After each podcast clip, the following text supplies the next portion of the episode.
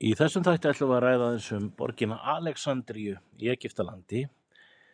og sérstaklega tiltekið bókasafn sem þar var í fornöld og enn sérþekkara ætlum við að ræða um einn af bókavörðunum í bókasafninu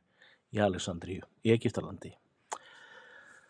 Alexandría er borg byggð á við ós uh, Nílar þar sem að Níl rennur út í Miðrahafið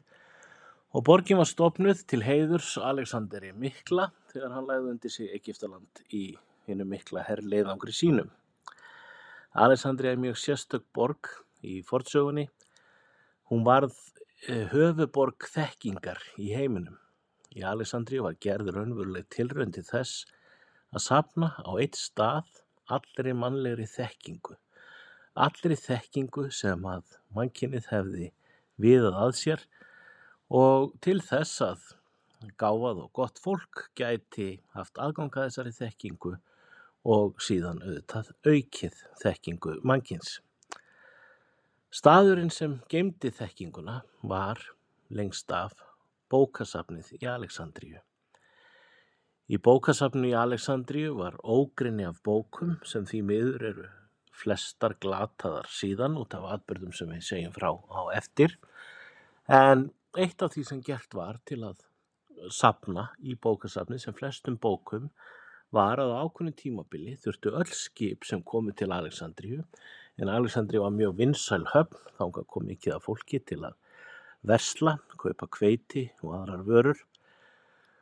að öll skip sem komu til Alexandríu uh, voru, voru heimsótt og þau þurftu að skila öllum bókum sem um borð í skipunum voru bækurna voru fluttar í bókasafni þar sem þar voru afritaðar og þegar að skipin síldu heim síldu sæfarendurnir heim með afrit af bókunum sínum en frumritin urðu eftir í bókasafninu. Bókasafnið er horfið, því var tortímt. Litlu mátti muna þegar að César heimsótti Alexandri á sínum tíma þegar hann var elda Pompei í, í borgarastyrjöldin í Róm. Raunar kveikti César óvart í bókasafninu í þeim herleðangri en það eittist ekki við það í það sinnið. Örlög bókasafnsins urðu þau að stærstu heimsveldin mistu áhuga á þeirri þekkingu sem bókasafni hafði að geima þegar að áhugi á öðru annari þekkingu en trúalegri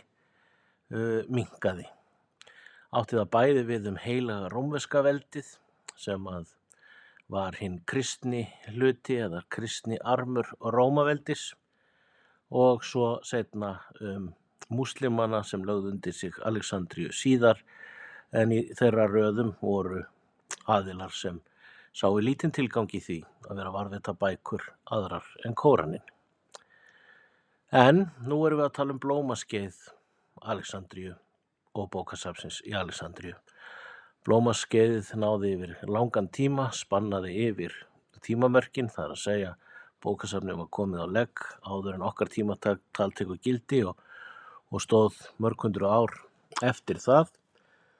Og við ætlum sérstaklega að ræða um þriðja bókavörð bókasafnsins í Alexandríu, mann sem hétt Eratosþenes. Eratosþenes var ekki egypskur. Hann fluttist til Egyptalands þegar honum var boðið að taka við stjórn bókasafnsins. Hann var þá þegar orðinn afar frægur fyrir gríðar mikla þekkingu og hæfileika og meðan hann dvaldi í Alexandri og stjórnaði bókasafnu átt hann eftir að vinna ótrúleg afreg sem sem voru ekki jöfnuð fyrir en mörg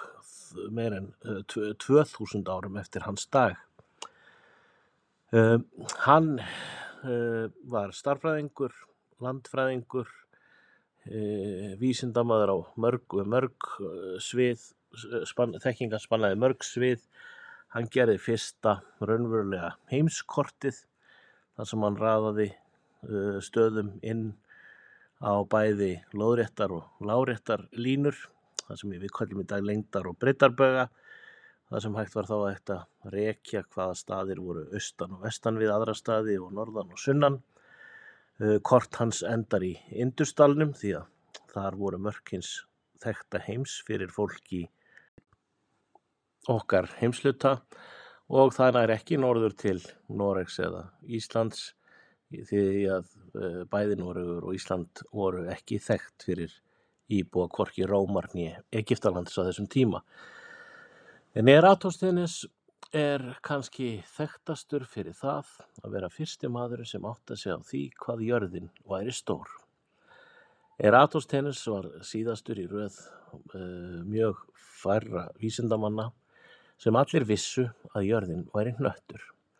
Það er mikill miskilningur að fólk hafi almennt álitið í fornöld eða jafnvel á miðöldum að jörðin væri flöt, fólk vissi mæta vel að jörðin væri hnöttur.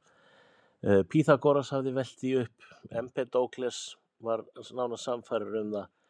uh, Aristoteles taldi sig geta sannaða og hafði tvær sannanir fyrir því. Önnur var svo að hann vissi sem var að þegar að verða tungmyrkvar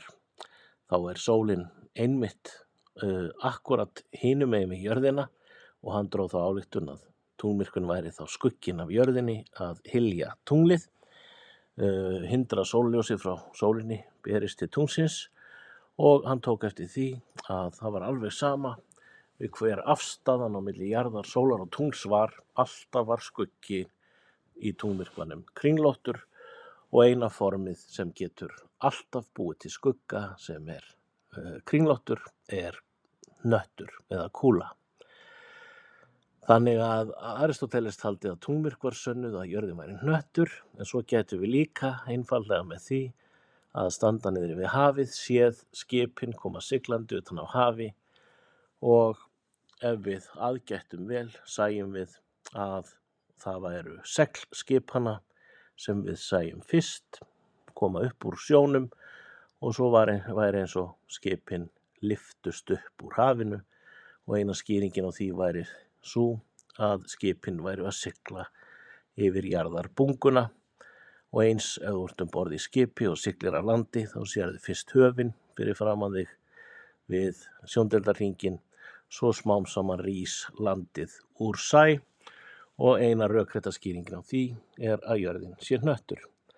og allt frá því fornöld hefur allt mentað fólk á jörðinni vitað að jörðin er hnöttur. En Eratosþenes gekk lengra, hann vissi ekki bara að jörðin væri hnöttur, hann vissi hvað jörðin væri stór hnöttur. Og því miður eru rit Eratosþenesar ekki varðveitt, hann skrifaði bók um uh, sönnun sína, hún er ekki til lengur en við eigum, eigum frásagnir um það hvað stóð í bókinni og eigum einfaldaða útgáfu af því hvernig hann reiknaði þetta út. Sagan segir að Eratosþenes hafi fengið bréf frá manni sem uh, bjó í borg einhverja 800 kílometra suður af Alexandríu. Og maðurinn hafi tjáð Eratosþenes í brefinu eða í brefi sem Eratosþenes fann í bókasafni í Alexandríu að á tilteknum degi, á tilteknum tíma væri sólinn í því sem við kallum hvirvilpunkti í dag það er að segja í, á miðjum himninum, beint fyrir ofan jörðina. Þannig að ef hort væri ofan í brunn á nákvæmlega þessum tíma sem var á hádegi á lengsta degi ársins, þá sæjist sólinn ofan í brunninum og lísti allan brunnin upp að innan. Út frá þessum upplýsingum gat Eratosthenes reiknað stærð jarðarinnar Hann vissi sem var að það eina sem hann þurfti að gera var að velja annan stað á jörðinni, til dæmis borgina sem hann bjó í, Alexandríu, og mæla hver hátt á himninum sólinn væri á þeim stað á þessum sama degi á sama tíma. Ef jörðin væri flött myndi, myndi sólinn vera beint fyrir ofan inn að flötu jörð á báðum stöðum á sama tíma en ef jörðin væri kúla eða hnöttur Þá myndi sólin lækka í aðra hvora áttina á himninum uh, jafnt og þétt á þessum tíma eftir því sem hún færi norðar eða sunnar frá þessum stað þar sem jörðin væri í hæstu stöðu. Þannig að við uh, þegar hún væri komin alveg á, á hlýðin á jörðinni Það er að segja búin að labba eitt fjórða af leiðinni eða ferðast eitt fjórða af leiðinni umhverfis jörðina þá væri jörðin ekki lengur á himninum heldur væri hún alveg niðri við sjóndendarhring því að þú væri búin að færa þig um heila 90 gráður. Stuttu eftir það þá væri að labba uh, svo langt frá staðnum að uh, sólin myndi hverfa og þú væri komin á nætur hlið jarðarinnar og þú væri komin eins langt frá staðnum og gætir væri stattur á miðnætti. En Eratosþenes framkvæmdi þessa tilraun þannig að á nákvæmlega þessum degi, á þessari stundu, á hádegi, á lengsta degi ásins, uh, þá reist, fann hann súlu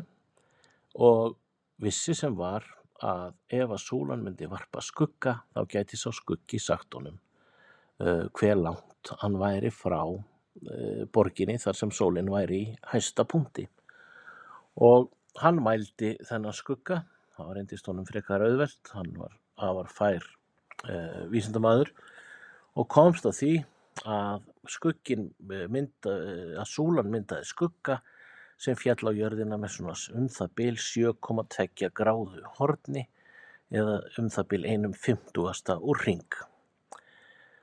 Af þessu dró Eratosþenes þá álíktun að á fjarlæðin á milli þessara tvekja borga væri um 7,2 gráður eða 1/50 af leiðinni umhverfis jörðina. Og þá þurfti hann eingöngu að vita hver langt var á milli staðana og til að vita það réði hann mann sem ítti á undan sér hjóli sem mældi nákvæmlega þessa leið á milli þessar að takja staða og reyndist hún vera um 800 kílometrar og þegar hún markvaldar 800 kílometra með 50 því að þú veist að það er 1.50 af leiðinni umhverfis jörðina á milli þess að takja borga þá færuðu út að jörðin sé 40.000 kílometra að ummáli. Jörðin er um 40.000 kílometrar ummáli, það munur innan við 100 kílometrum á, á mælingu er aðtóðstegnisar og raunveruleg ummáli jarðarinnar og það var mjög langt þangað til einhver myndi framkvæma nákvæmari mælingu auðmáli jarðarinnar. Uh, svo er Atósteins mælir þetta fyrir 2200 árum laungu setna uh, rétt fyrir árið 1500 þegar Kolumbus siglir umhverjus jörðina er hann að miða við að jörðin sé langt frá þessu ummáli Þannig að Eratosþenes sem að var eh, milli eh, sko næstu í 2000 árum og undan Kólumbusi var með miklu nákvæmari útreikning á stærðjarðarinnar en þannig er það með þekkinguna að ef hún er ekki varveitt þá glatast hún og týnist og uh, önnur þekking, jafnvel verri, getur komið í stað hinnar betri, sérstaklega ef við höfum enga Eh, að fáar leiðir til að skera úr um sannleiksgildi ólíkra uh, hugmynda. En þetta er það sem við vildum eh, fjalla um í dag, er Atóstenis, bókavörðin sem fyrstur mældi um og ljarðarinnar, um borgina Aleksandríu þar sem stóð bókasafnið, þar sem fyrst var gert tilrönd til að varveita á einum stað undir einu þaki alla þekkingu mannkins.